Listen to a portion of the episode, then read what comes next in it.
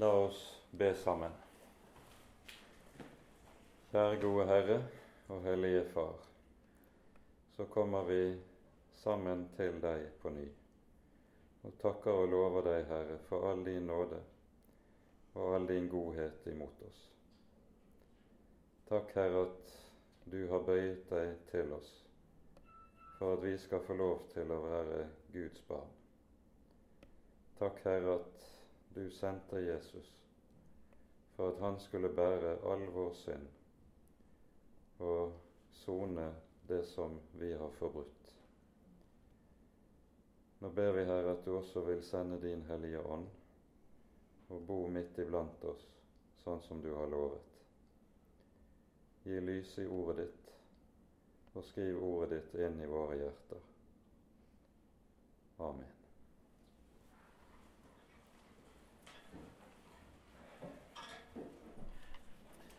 Vi har altså i bibeltimene i høst eh, sett på det som eh, leder frem imot det som er den egentlige utgangen av Egypt.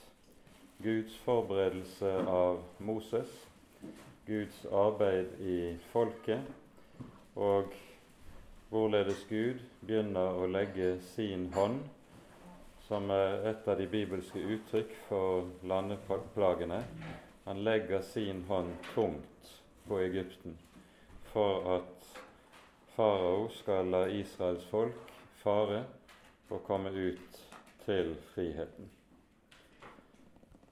Og eh, med kapittel 11 og kapittel 12 så kommer vi da til det som blir eh, den egentlige utfrielsen, der vi hører om påskelammet og den tiende plagen, eller det tiende slaget, som rammer Egypt. Det er jo slik at uh, det ordet som i våre bibeloversettelser er oversatt med 'plager', det er et ord som uh, i den hebraiske teksten bokstavelig betyr slag. Gud rammer uh, Egypt med ti slag. Noe av det som er et kjennetegn på de, disse landeplagene, det er at fra og med den fjerde landeplagen så hører vi at Israel går fri.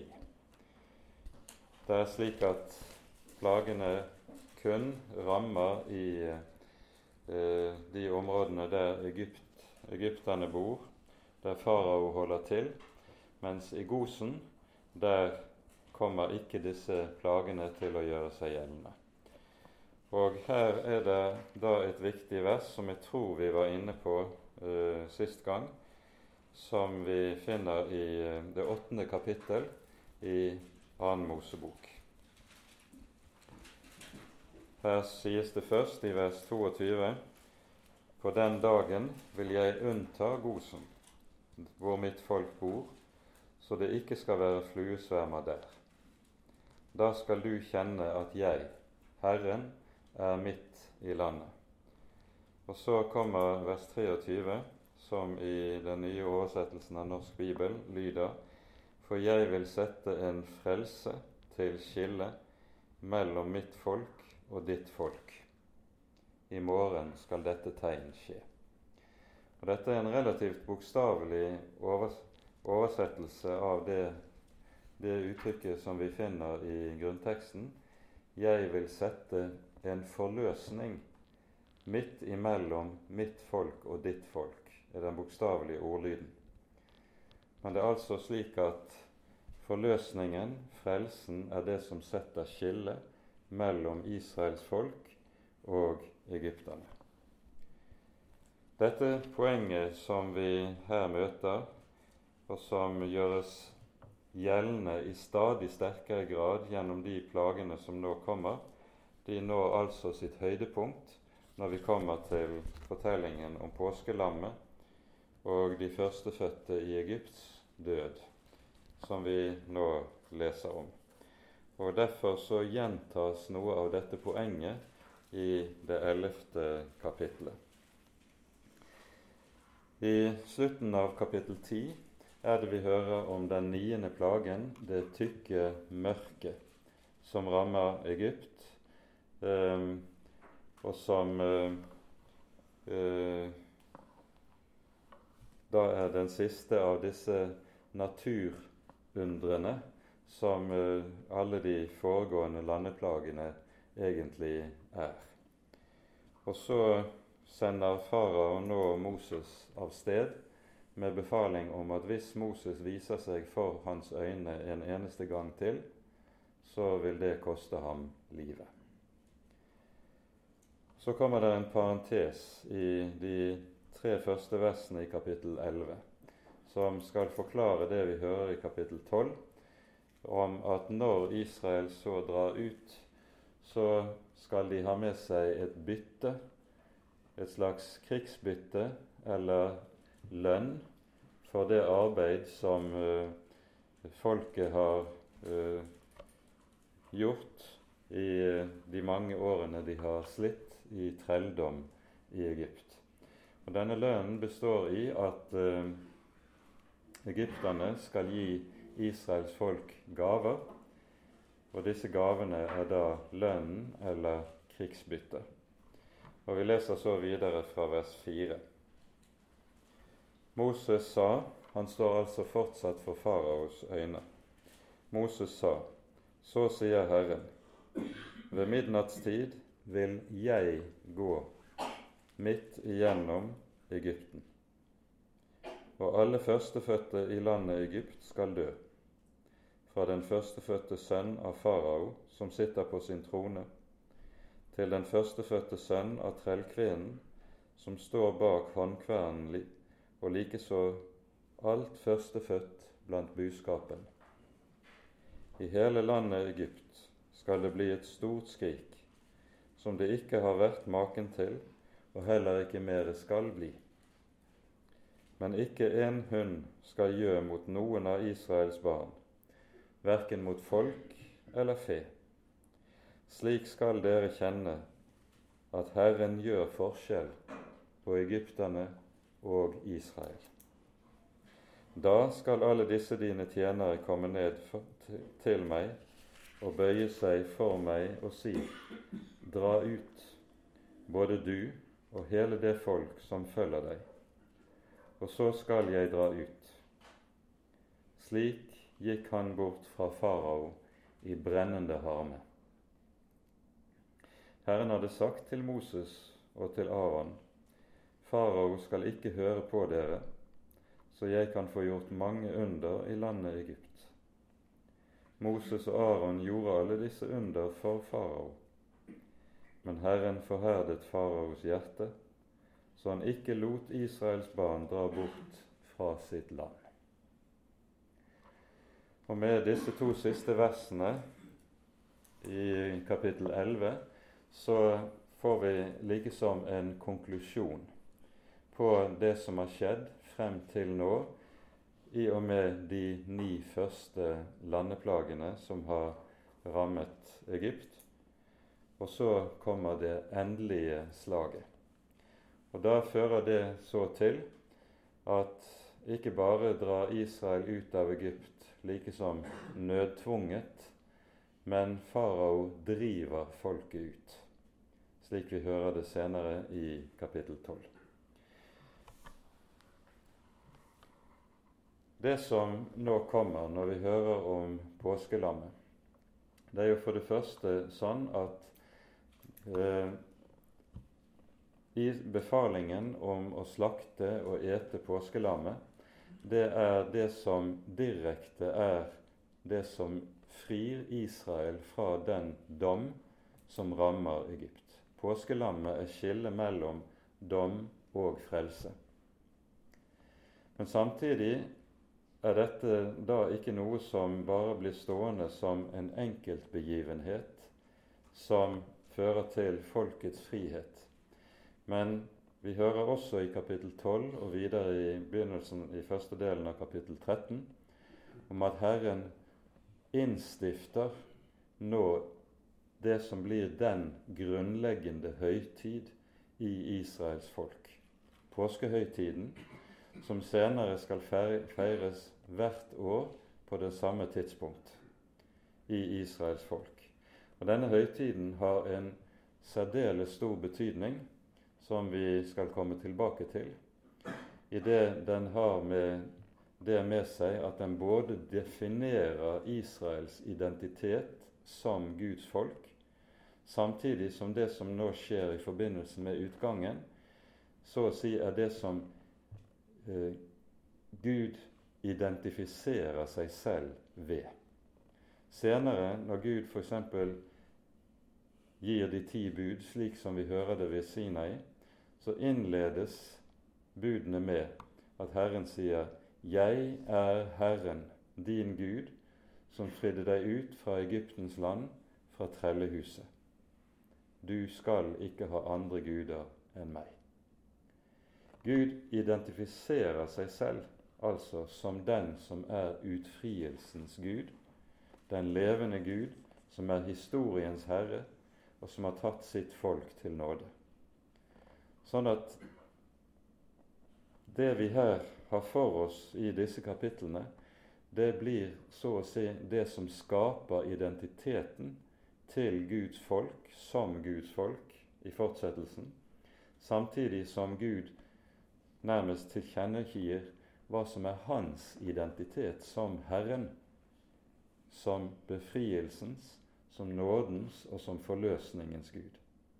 Og Derfor er disse kapitlene som vi her er inne i, de er helt grunnleggende i Den hellige Skrift.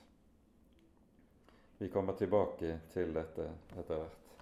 Nå leser vi de 13 første versene i kapittel 12. Herren talte til Moses og Aron mens de var i landet Egypt, og sa:" Denne måneden skal være deres nyttårsmåned. Den skal være den første av årets måneder hos dere.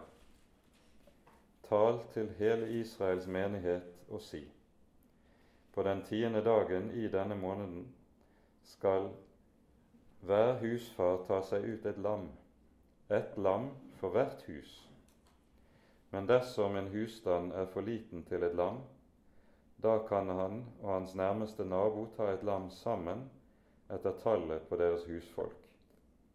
Etter det enhver eter, skal dere regne folk på et lam. Det skal være et lam uten lyte, av hannkjønn, årsgammelt, et lam eller et kje kan dere ta. Dere skal ta vare på det til den fjortende dagen i denne måneden da skal hele Israels samlede menighet slakte det mellom de to aftenstunder. Så skal de ta av blodet og stryke på begge dørstolpene og på den øverste dørbjelken på de hus hvor de eter det. De skal ete kjøttet samme natt, stekt over ild, og med usyret brød og bitre urter skal de ete det. Dere må ikke ete noe av det rått, eller kokt i vann, men stekt over ild, med hode, føtter og innvoller. Dere skal ikke levne noe av det til om morgenen. Er det noe igjen om morgenen, skal dere brenne det opp i ilden. På denne måten skal dere ete det, med belte om livet, med sko på føttene og med stav i hånden, og dere skal ete det i hast det er påske for Herren. For samme natt vil jeg gå gjennom hele landet i Egypt og slå i hjel alt førstefødt i landet Egypt, både folk og fe. Og over alle guder i Egypt vil jeg holde dom. Jeg er Herren. Blodet på de hus hvor dere er, skal være til tegn for dere. Når jeg ser blodet, vil jeg gå dere forbi. Intet dødelig slag skal ramme dere når jeg slår landet Egypt.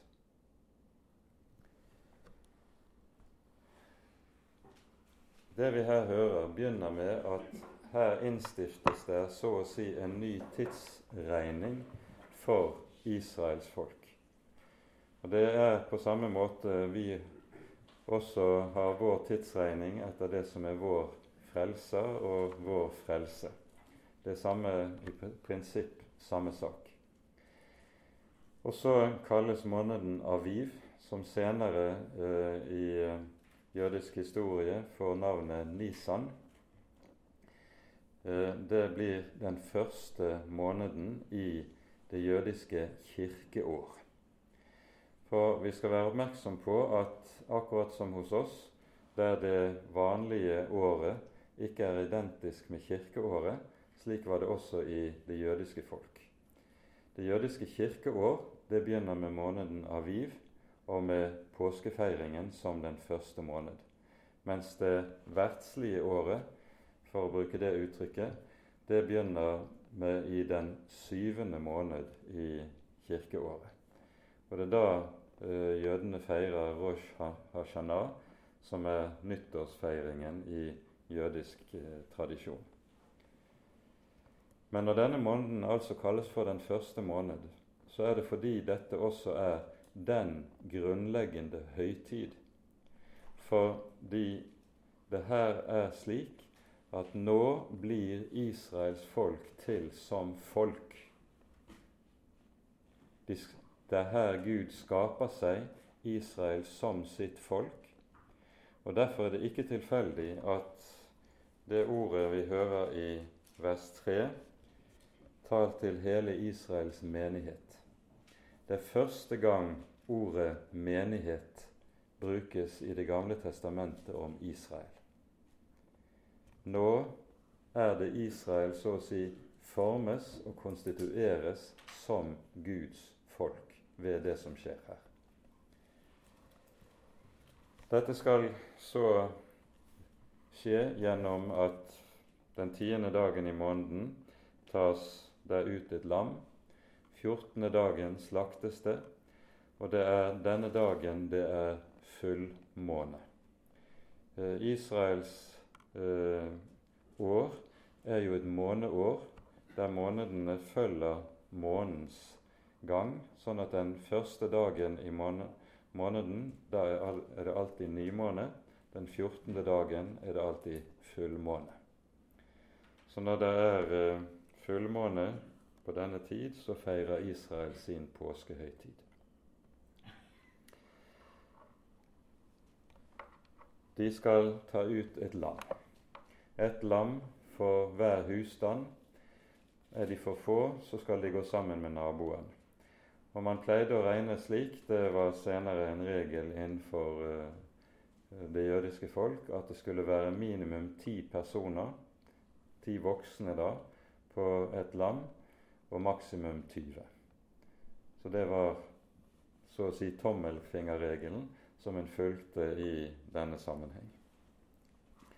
Og så gis det klare regler for hvordan eh, lammet skal være.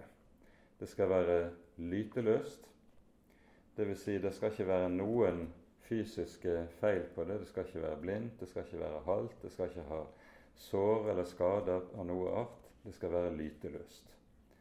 Og Denne lyteløshet den er jo forbildet på det at han som senere utpekes av døperen og kalles Guds lam, er den lyteløse, den som er uten synd. Så dette er en del av den bibelske eh, forbilledligheten i Det gamle testamentet, og som anvendes i Det nye testamentet på Kristi person.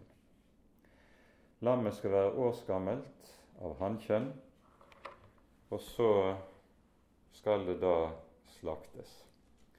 Blodet eh, og slaktingen skjedde jo i Israel alltid. Det gjelder både her og ved ofrene i tempelet, ved at halspulsåren ble skåret over. Fordi alt blodet skulle eh, renne ut av dyret og av offerdyrene før eh, de ble båret frem som offer. Og Så strykes da blodet på dørkarmene og det øverste dør, dør, dørtreet i husene der Israel skal holde til, der de skal ete lammet. Og Nå er det jo sånn at alt det som videre hører til Eh, i beskrivelsen av måltidet her, det har symbolsk betydning, og som er noe som når påskemåltidet får, etter hvert får sin faste form. Det har det antagelig fått eh, omtrent på Jesu tid. Så inngår det helt bestemte ingredienser i måltidet som eh, eh, Hvorav det som vi her hører, er noe av det aller viktigste. For det første sies det om lammet når det er slaktet, at det skal stekes over ild, og det skal stekes helt. Ilden er i Bibelen alltid, eller temmelig gjennomgående, symbolet på Guds dom og på Guds vrede. For poenget med dette er jo at der lammet ikke er slaktet, der rammer Guds dom. Der lammet er slaktet, der rammer ikke Guds dom. Det er så å si slik at lammet stedfortredende lider døden for dem som sitter i de husene som har fått merke med blodet. Og Nettopp denne stedfortredende funksjon er noe av bakteppet for at Jesus kalles Guds lam i Det nye testamentet. I 1. Korinterbrev kapittel 5 så sies det jo direkte eh, om Herren Jesus Vårt påskelam er jo slaktet.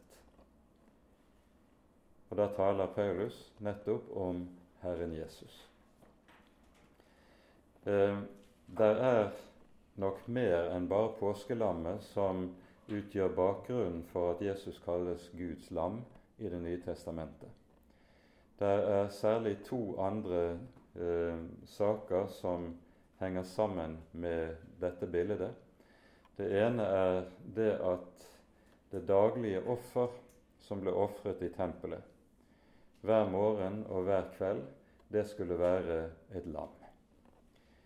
Nesten ingen av de øvrige ofrene som vi hører om i tempelet, var det lam som ble slaktet. Det kunne være gjeter, kid, Eh, det kunne være sauer eh, av eh, hunnkjønn, ikke hannkjønn, okser og kyr osv. Men lammet, det hørte til det daglige offer. Og om dette daglige offer så hadde rabbinerne følgende eh, utsagn som karakteriserte det. De sa det at lammet som blir slaktet om morgenen, soner for Israels nattlige synder. Lammet som slaktes om aftenen, soner for Israels daglige synder.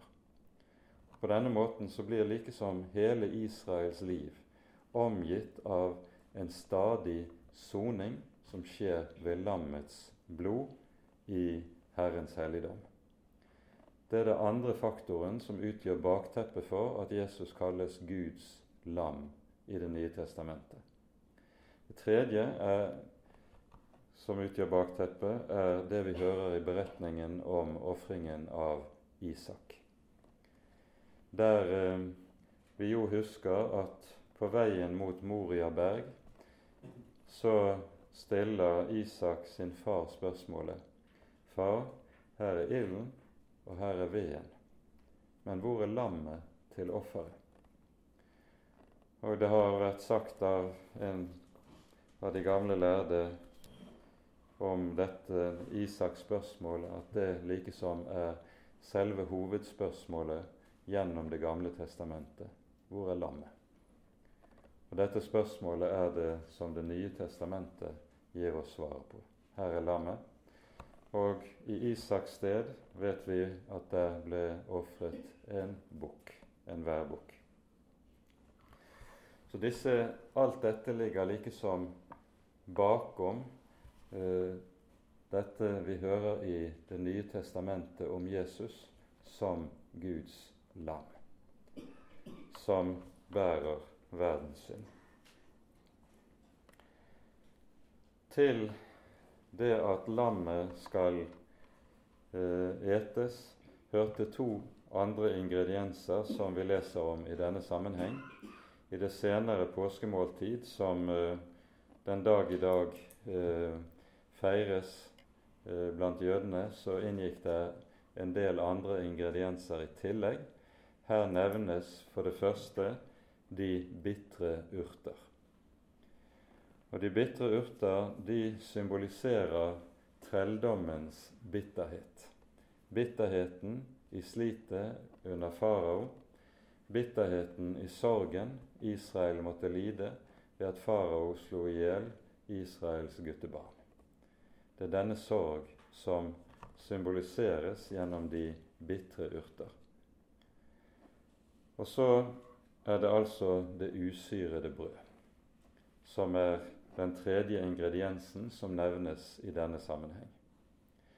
Syret brød, eller surdeig, det er i Bibelen så godt som overalt bildet på synden, og synden som har en gjennomtrengende kraft og makt i seg. I 1. Eh, Korinterbrev 5, som vi var inne på tidligere, skriver Paulus, vet dere ikke at en liten surdeig syrer hele deigen. Dette sier han i en bestemt sammenheng, nemlig at menigheten har, i Korint har tolerert åpenbar synd i sin midte. Det er tydelig at de har rost seg av sin kristne frihet, av sin kjærlighet og sin toleranse, som har gjort at de ser gjennom fingrene med åpenbar synd. Når Paulus da bemerker til dette Vet dere ikke at en liten surdeig syrer hele deigen? Så sier han med det at dersom åpenbar synd tolereres i menigheten, så vil dette ha en smitteeffekt som etter hvert vil komme til å gjennomsyre hele menigheten og dermed ødelegge menigheten som Guds folk. Derfor skal eh, åpenbar synd ikke tåles innenfor menigheten. Og Derfor er det 1. Korinterbrev kapittel 5 taler om anvendelsen av kirketukt i møte med det. Og Da brukes da bildet av surdeigen i den sammenheng.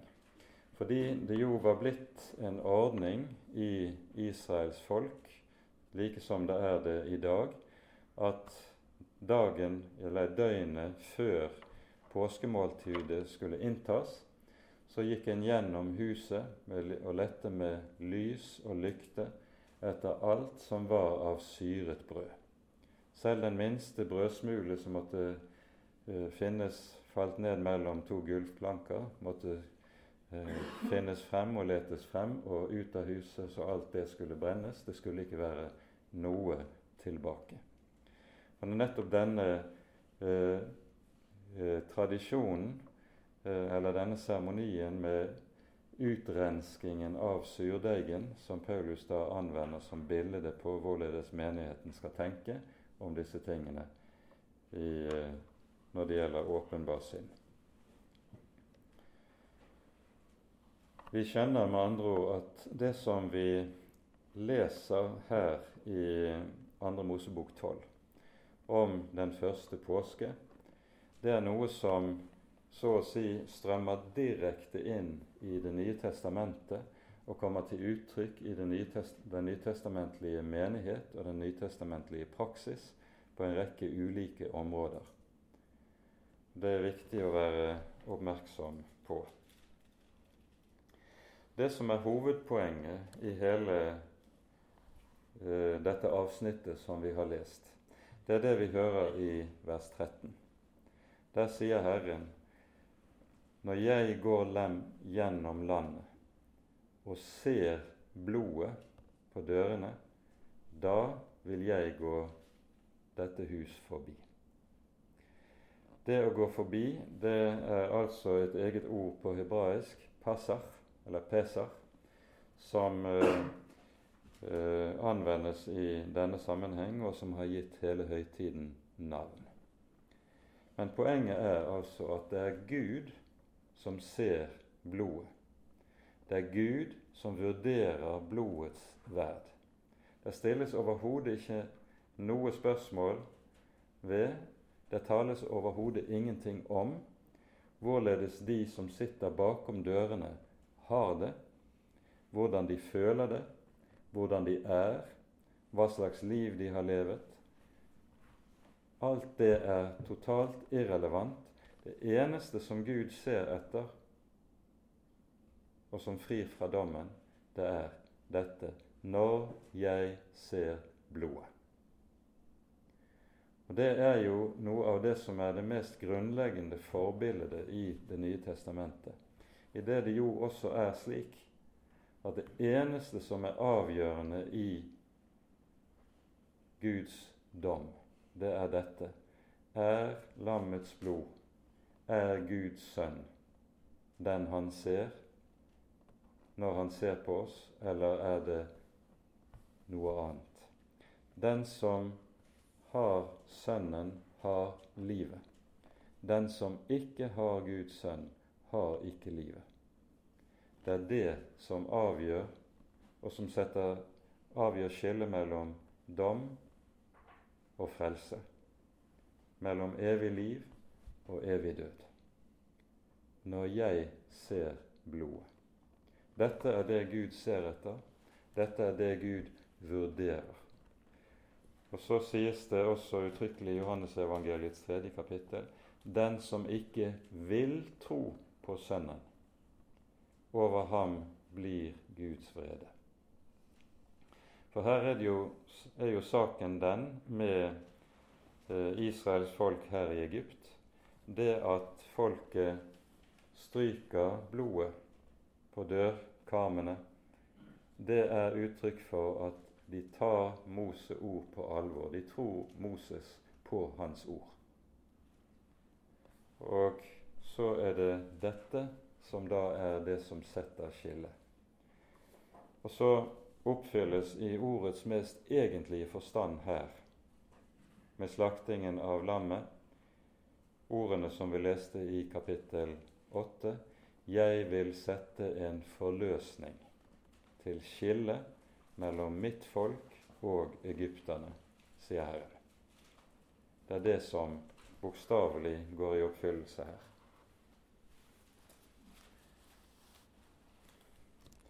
I Det nye testamentet er det vi så møter budskapet og talen om Jesus som Guds lam. Vi har sitert Johannes døperens ord fra Johannes 1,29. Vi skal kanskje også minne i denne sammenheng særlig om ordene i 1. Peters brev, kapittel 1.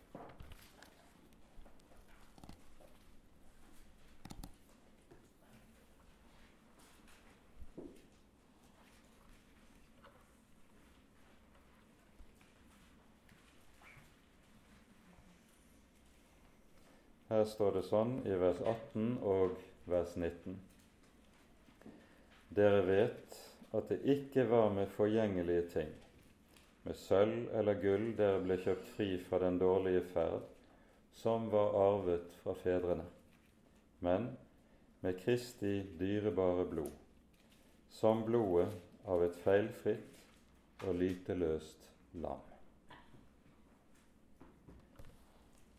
Og så har vi hele forbildet som uh, vi har med beretningen om påskelammet her i annen Mosebok, som er med og hjelper oss til å så å si få dybde til det som sies om Jesus som lammet i Det nye testamentet. Leser vi nå videre i 2. Mosebok 12 så hører vi at Herren nå innstifter påskemåltidet som en årlig høytid som skal feires i Israels folk. Vi leser fra vers 14. Denne dagen skal være en minnedag for dere. Dere skal holde den som en høytid for Herren. Det skal være en evig forskrift for dere å holde den, slekt etter slekt. I syv dager skal dere ete usyret brød. Straks på den første dagen skal dere ha all surdeig bort fra huset deres. Hver den som eter syret brød fra den første til den syvende dagen, skal utryddes av Israel. På den første dagen skal dere holde en hellig samling og likeså på den syvende dagen en hellig samling. Disse dagene skal dere ikke gjøre noe arbeid, bare den maten som hver av dere trenger, skal dere lage til. Dere skal holde de usyrede brøds høytid. For nettopp på denne dagen førte jeg deres hærer ut av landet Egypt. Derfor skal det være en evig forskrift for dere å holde denne dagen, slekt etter slekt. I den første måned, om kvelden på den fjortende dagen i måneden, skal dere ete usyret brød. Det skal dere gjøre helt til om kvelden på den 21. dagen i samme måned. I sju dager skal det ikke finnes surdeig i deres hus. Hver den som eter syret brød, skal utryddes av Israels menighet, enten han er en fremmed eller innfødt i landet. Dere må ikke ete noe som er, som er syret. I alle deres bosteder skal dere ete usyret brød. Og så hører vi Moses kaller sammen folket og gir instruks for det som nå skal skje. Og så hopper vi til eh, vers 24. Adlyd nå dette påbud. Det skal være en forskrift for deg og for dine barn til evig tid. Når dere kommer inn i det landet Herren skal gi dere, slik Han har sagt, da skal dere ta vare på denne tjenesten. Og når deres barn sier til dere hva er meningen med denne skikken, da skal dere si, det er påskeoffer til Herren, som gikk forbi Israels barns hus i Egypt og sparte våre hus da han slo egypterne. Og folket bøyet seg og tilba. Israels barn gikk da bort og gjorde dette, som Herren hadde sagt til Moses og Aron, slik gjorde de. Så skjedde det ved midnattstid at Herren slo i hjel alle førstefødte i landet Egypt, fra den førstefødte sønn av farao som satt på sin trone, til den førstefødte sønn av fangen i fengselet, likeså alt førstefødt blant budskapen. Da sto farao opp om natten, han og alle hans tjenere og alle egypterne, og det ble et stort skrik i Egypt, for det fantes ikke ett hus hvor det ikke var en død. Han sendte da bud på Moses og Aron om natten og sa, Stå opp, dra ut fra mitt folk, både dere og Israels barn Far bort og tjen Herren som dere har sagt. Ta med dere både deres småfe og storfe som dere har sagt. Gå og be om velsignelse over meg også. Og egypterne trengte hårdt på folket for å få dem til å skynde seg ut av landet, for de sa, vi er dødsens alle sammen. Så skjer altså det som Herren har sagt, men han innstifter altså dette som en evig forskrift som skal markeres i Israel. Denne forskriften gis det utfyllende eh, lover om eh, senere i Mosebøkene. Både her i Andre Mosebok, ved Sinai, gis det utfyllende forskrifter, og også i Femte Mosebok 16. kapittel. Vi går ikke inn på alt det som står der. Det som er noe av et hovedpoeng med påskefeiringen i Israel, det er for det første at den skal feires i familien. Nå var det riktignok slik at etter at tempelet var reist i Jerusalem, så kom eh, eh lammene til å skulle slaktes i tempelet. Så hver familie brakte da med seg lammet til tempelet. Det ble slaktet der, og så tok de en med seg lammene eh, hjem, eller dit hvor en skulle innta påskemåltidet. Men det ble altså feiret i familien, eh, og det er det som er det grunnleggende. Og Her ligger det en veldig viktig side ved så å si den gammeltestamentlige religionspedagogikk. Både her i eh, kapittel 12 hører vi det sies vers 26, og når deres barn sier til dere hva er meningen med denne skikk, så kommer dette til å bli en del av det faste ritualet ved påskemåltidet. Barna skal spørre foreldrene hva er det vi nå gjør. Hvorfor er det vi gjør dette?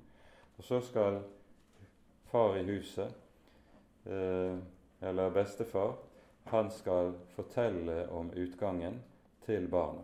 Og dette skal repeteres om igjen og om igjen, år etter år. Påskefeiringen den har i Israel eh, langt, langt større og mer sentral posisjon enn julefeiringen har hos oss. Og den er nettopp en feiring som foregår i familien, med tanke på det som er noe av det mest sentrale med alle høytidene i Israels folk, nemlig dere skal komme i hu, dere skal ikke glemme. Dette lyder om igjen og om igjen. Eh, vi har vært inne på dette i forbindelse med det tredje budet. Det tredje budet lyder jo i Bibelen du skal komme hviledagen i hu, så du holder den hellig. Og i det jødiske folk så regnes dette budet for to bud. Det er for det første et bud om å komme i hu, en skal ikke glemme. Og for det andre er det bud om å holde hellig. Og fordi det er to bud, så tennes det da to sabbatslys på bordet i det jødiske hjem når en spiser sabbatsmåltidet. Det å komme i hu, det er i Skriften helt avgjørende, ikke minst når en ser motsetningen til dette. Frafall fra Herren beskrives gjennomgående i Det gamle testamentet med, ved hjelp av ordet 'glemme'. Du glemte Herren din Gud. Du glemte Herren din buds ord og forskrifter. Glemselen er altså noe som er ødeleggende inn i Guds folks liv. Og Nettopp av denne grunn så innstifter Gud høytider med tanke på at folket ikke skal glemme. Foreldre skal fortelle til sine barn, lærere til sine elever, de skal fortelle om igjen og om igjen, år etter år.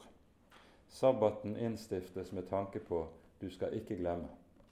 Påsken innstiftes med tanke på nøyaktig samme sak. Kom i hu.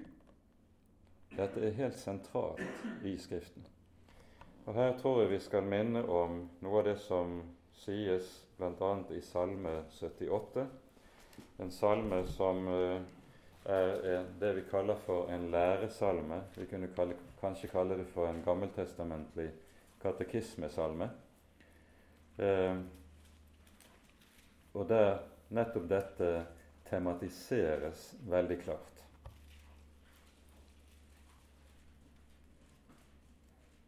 Vi leser fra vers 5. Han har reist et vitnesbyrd i Jakob satt en lov i Israel som han bød våre fedre å kunngjøre sine barn. Merk, det er nettopp det som sies på ny og på ny i forbindelse med påskemåltidet. Fedrene skal kunngjøre for sine barn. Og så kommer det i fortsettelsen. For at den kommende slekt, de barn som skulle fødes, skulle lære å kjenne dem så de igjen kunne stå frem og fortelle det for sine barn. Slik skulle de sette sitt håp til Gud, og ikke glemme Guds gjerninger, men holde Hans bud. De skulle ikke bli som sine fedre, en oppsetsig og gjenstridig slekt, en slekt som ikke gjorde sitt hjerte fast, og ikke var trofast mot Gud i sin ånd. Og hvorfor var de ikke trofaste? Jo, fordi de glemte de glemte. Når vi kommer til dommertiden i Israels folk, så er dette noe av det som er årsaken til elendigheten i dommertiden. Der vokste opp en slekt som ikke kjente Herren og ikke kjente Hans gjerninger, står det. Hvorfor kjente de det ikke? fordi foreldregenerasjonen ikke tok i akt det å lære sine barn at barna skulle komme i hu. Vi, det får bare stå som en parentes her, men poenget er da nettopp dette at det å komme Herrens gjerninger i hu, og ganske særlig det som dreier seg om påsken, nemlig utgangen av Egypt, det er så å si det som er fundamentet for Det gamle testamentets Guds tro. Og Derfor skal det gjentas og repeteres om igjen og om igjen. For her er det nettopp slik at ved påskemåltidet er det Israel påminnes om hvem de er som Guds folk. Vi er Guds folk. Vi er det folk Herren kom og fridde ut fra Egyptens land. Og Da må vi peke på det som vi også leste sist gang fra 5. Mosebok kapittel 4, men som i denne sammenheng er overmåte sentralt å være oppmerksom på.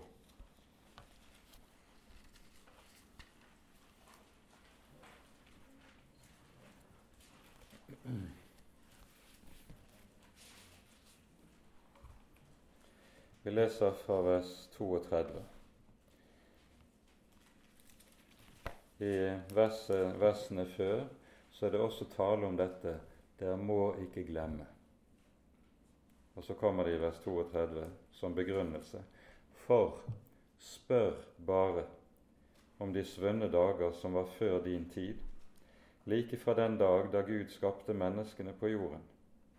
Spør fra den ene ende av himmelen til den andre om det er hendt eller hørt noe som er så stort som dette. Har noe folk hørt Guds røst tale midt ut av ilden, slik du har gjort, og enda blitt i live? Eller har Gud prøvd å komme og ta seg ett folk midt ut av et annet folk, ved prøvelser, ved tegn og undergjerninger, ved krig og med sterk hånd og utdrakt arm og store, forferdelige gjerninger, slik du med egne øyne har sett Herren deres Gud gjorde med dere i Egypt. Du har fått se alt dette for at du skal vite at Herren er Gud, Han og ingen annen. Fra himmelen har Han latt deg høre sin røst for å lære deg og på jorden har han latt deg se sin store ild, og hans ord har du hørt midt ut av ilden. Fordi han elsket dine fedre og utvalgte deres etterkommere, førte han deg selv med sin store kraft ut av Egypt. Folket skal med feiringen av påskemåltidet med andre ord minnes at i det Gud har gjort, så står de overfor noe som er absolutt enestående i verdenshistorien. Like som Gud er ulik alle andre guder. Det er ingen som deg, og intet er som dine gjerninger, leser vi i Salme 86. Og det oppfylles bokstavelig for Israels øyne ved utgangen, og så er dette noe som skal minnes. For ved dette så minnes Israels folk både om hvem de er, samtidig som de minnes også om hvem Herren er. Hvem er Han som er vår Gud? Jo, sånn som vi også nevnte det sist gang, å kjenne Herren er å kjenne Hans gjerninger, eller Hans velgjerninger. Det er Philip Melanchthon som skriver i sin troslære. Og nettopp det å kjenne Herren, det er det, det Israel lærer gjennom å minnes Hans gjerninger, hva Han har gjort for dem. Og så lyder derfor også det første budet. Jeg er Herren din Gud, som førte deg ut av Egyptens land, av trellehuset. Du skal ikke ha andre guder enn meg. Og nettopp dette som hører det første budet til, er jo det som dermed også blir det sentrale i forbindelse med påskefeiringen. Leser du Femte Mosebok i sammenheng, så er det helt iøynefallende at hele avsnittet der, som begynner fra kapittel 4, der du hører Moses' undervisning av folket, frem til kapittel 17 eller 18, det dreier seg sammenhengende om det første bud. Det er så å si utelukkende det første bud det dreier seg om på ulike vis og fra ulike synsvinkler i disse kapitlene i 5. Mosebok. Ta deg tid til å lese disse kapitlene. Det er overmåte lærerikt, og det er overmåte grunnleggende i Israels folk, og også for e-, vårt eget vedkommende.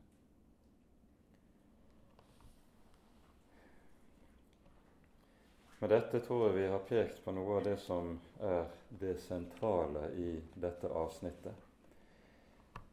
Og så blir det da slik at det er under et påskemåltid vår Herre Jesus innstifter den hellige nattvær. Det er så å si den nye pakts påskemåltid. Og Den hellige nattvær har det med seg at den også sier noe av det vesentlig samme som det gamle pakts påskemåltid sier. Det sier både noe om hvem vi er som Guds folk. Og det sier noe om hvem Han er som har fridd oss ut, nemlig ved å gi seg selv i vårt sted. Nadværen er noe som så å si beskriver både vår identitet som Guds folk, samtidig som den beskriver Guds identitet, for å bruke et litt eh, dumt uttrykk kanskje, som sier noe avgjørende om hvem vår Herre og vår Gud er. Dette er ikke det tid til å gå mer inn på i kveld, men eh, jeg gir bare den linjen, tankelinjen, som fører inn i Det nye testamentet her. Og Med det setter vi punktum for dagens bibeltime. Ære være Faderen og Sønnen og Den hellige ånd som var og er og være skal, en sann Gud, høylovet i evighet. Amen.